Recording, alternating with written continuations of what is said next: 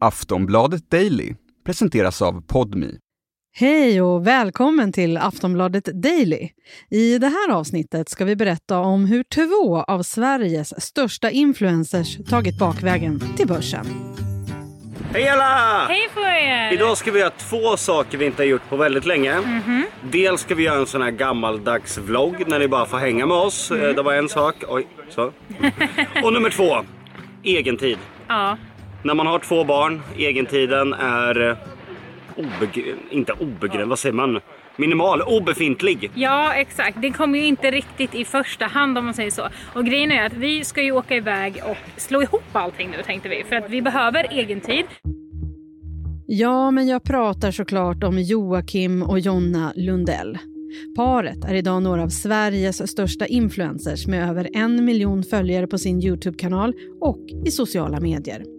De har också i år rankats som årets makthavare av Medieakademins maktbarometer.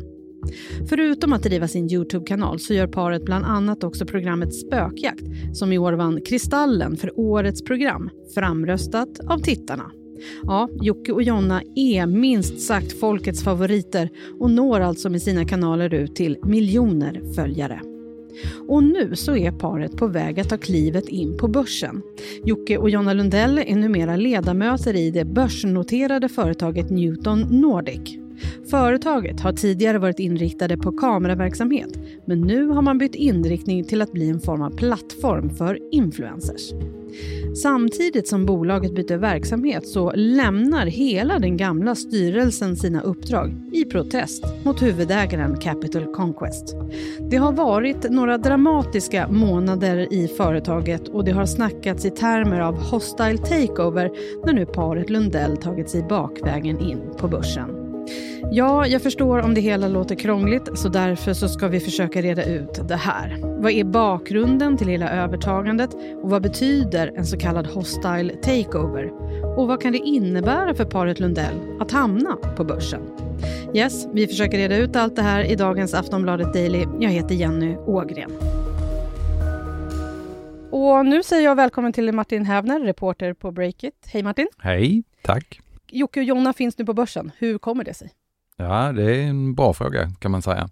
Eh, för att vara mer specifik kan man säga att Jocke och Jonna nu är, sitter i styrelsen för ett börsbolag som heter Newton Nordic. Ska man vara petig så är det på First North, en lite mindre lista som är knuten till Stockholmsbörsen. Eh, och utöver att de är styrelseledamöter är de också storägare i den verksamheten som är på väg in i det här börsbolaget. Och varför vill Jocke och Jonna in på börsen? Eh, ja, eh, det är också en bra fråga. Eh, Jocke och Jonna har så vitt jag vet inte uttalat sig om detta. Nu följer inte jag deras kanaler sådär eh, slaviskt. Eh, däremot har deras partner eller eh, rådgivare Daniel Kanani, ursäkta, som är VD för det här bolaget, berättat om affärsidén och den här verksamheten eh, som de då vill sätta på börsen. Det handlar om att koppla ihop annonsörer och stora bolag med eh, influencers och att eh, då även influencers med klart färre följare än vad Jocke och Jonna har. Eh, det här bolaget skulle de också kunna låta bli att notera, så varför de tvunget vill sätta det på börsen, det vet inte jag, eller det har de inte sagt. Normalt brukar man ju vilja ha kapital, men några sådana planer har de inte aviserat. Det här bolaget, vad har de ägnat sig åt tidigare och varför, vad är det för typ av verksamhet som man byter till? Eh, Newton, de säljer produkter och lösningar eh, för att stabilisera och fjärrstyra kameror som man använder vid tv-inspelningar, kort sagt. Eh, intäkterna har varit ganska begränsade, eh, kring 10 miljoner kronor per år och dessutom i en sjunkande trend. Aktien har fallit. Eh, så det har liksom inte varit på något sätt någon framgångshistoria, det här gamla bolaget. Den nya verksamheten, om den kommer in, för allt det här är då villkorat av att Nasdaq ska säga ja till den här affären. Eh, den handlar om att eh, då som sagt koppla ihop företag med influencers som då kan göra reklam eller föra ut ett budskap. De har även då börjat prata om att de ska driva e-handel, att influerarna eller influencerna ska kunna eh, sälja saker via den här plattformen. Och kan du berätta lite om bakgrunden till varför man vill byta verksamhet? Mm. Eh, om vi då zoomar ut lite först så är frågan, den här storyn då är intressant ur ett större perspektiv, för det verkar vara trend på något sätt att influerarna först då kanske har gjort reklam i sina egna kanaler, sen har många av dem fått egna tv-serier och nu kanske vi ser en trend på att de flyttar fram positionerna än mer i näringslivet. Vi har givetvis Bianca Ingrossos Kaja som går som tåget eh, och det här är kanske då ännu ett exempel på att de vill flytta fram positionerna och starta riktiga konkreta bolag. Dessutom så sker det då i en tid där vi har fått väldigt många nya bolag. Det är hård konkurrens om uppmärksamheten. Och då kan man tänka sig att Jocke och Jonna kan använda sig, eller användas för att locka aktieägare och eventuellt då även influera till, till den här plattformen.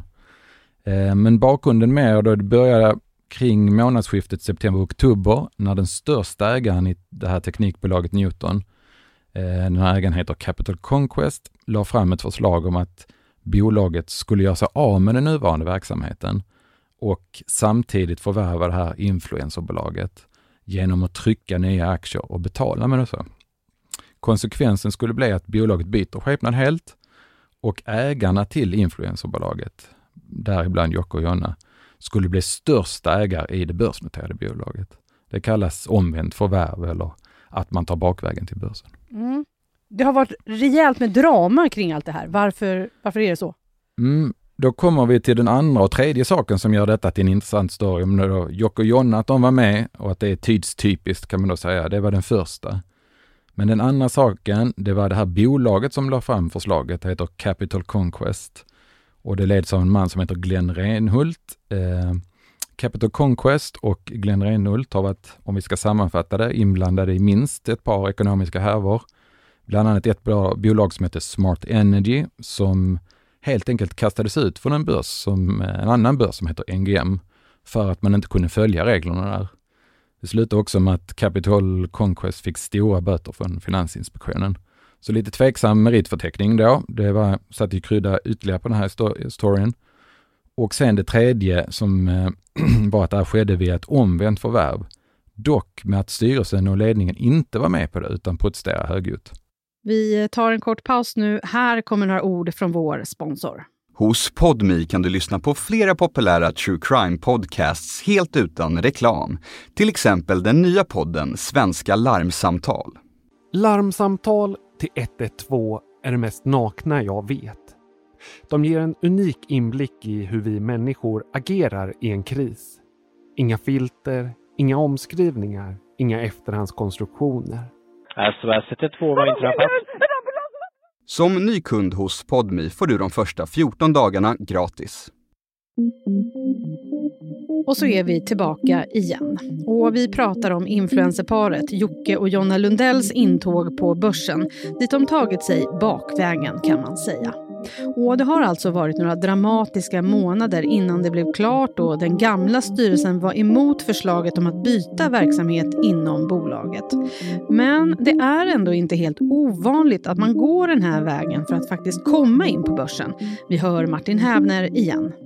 Det är inte den vanliga vägen in på börsen, men det händer några gånger per år. Men då brukar ledningen och styrelsen vara med. Okej, okay, vi hade en affärsidé, ett bolag, vi har kommit till vägs ände.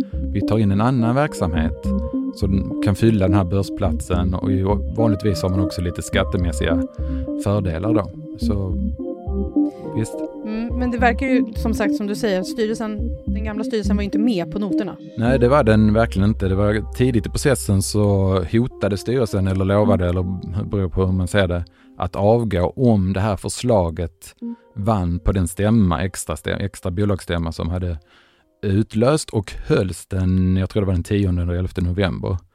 Eh, det här förslaget vann och styrelsen eh, avgick, styrelsen för den gamla verksamheten och ersattes då med Jocke och Jonna, Daniel Kanani och ytterligare två personer. Ja, för det blev ju verkligen så. Det blev, de, de gjorde liksom verklighet av sitt hot och eh, lämnade styrelsen. Det här kallas också för hostile takeover.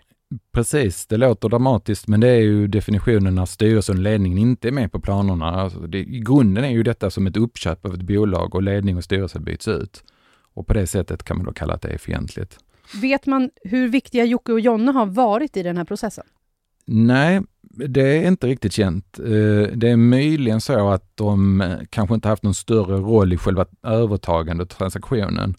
Eh, utan att deras roll börjar nu, att de ska använda sina kontakter och sitt namn för att locka influenser till plattformen och som jag sa då tidigare, möjligen även locka aktieägare till det här bolaget. Så vad innebär det här nu då för bolaget? Eh, nästa steg är att börsoperatören Nasdaq ska genomföra en slags granskning av den här verksamheten. En ny noteringsprocess kallar man det. Eh, och då, det gör man egentligen med alla bolag som vill bli noterade, tittar man på en rad punkter. Om det är börsfärget brukar man kalla det. Man tittar på siffrorna, man tittar på bolagets förmåga att ge information på ett korrekt sätt, man tittar på finansiering och man granskar de nya styrelseledamöterna. Hela transaktionen är villkorad av detta. Om Nasdaq säger nej av någon anledning, då skulle allting falla. Eh, det som är lite intressant är att Newton presenterade en kvartalsrapport på torsdagen. Då, då var budskap, budskapet helt plötsligt att, att den gamla verksamheten, alltså kameraverksamheten, den skulle stanna i koncernen. Eh, och som då helt, alltså bolaget skulle då få två verksamhetsgrenar. Man säger att man har hittat synergier, samordningsvinster mellan de här två helt skilda verksamheterna. Det kan vara så, men det är ingenting jag vet, att influencergänget på detta sätt hoppas slippa den nya noteringsprocessen. Man behåller den gamla och lägger till den nya. Men så vitt jag förstår så ska den genomföras ändå av Nasdaq. Eh, vad skulle du säga nu då? Vad kan det finnas för risker för bolaget att man liksom startar med den här typen av drama som det ändå har varit?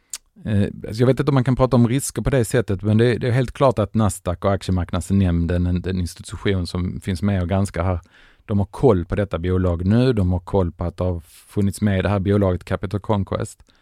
Eh, så nu gäller det nog att den nya verksamheten eller influensgänget håller sig till reglerna, att de har ordning på sina papper om man säger så. Eh, sen en annan risk är ju att eh, det verkar som att många chefer i den gamla verksamheten har lämnat bolaget och kanske fler följer efter, vad vet jag. Men om man då tänker sig ett scenario när Nasdaq skulle säga nej till den här transaktionen av någon anledning och så är det många chefer och gamla anställda som, då det, finns det inte så mycket kvar av det som ändå var en verksamhet tidigare.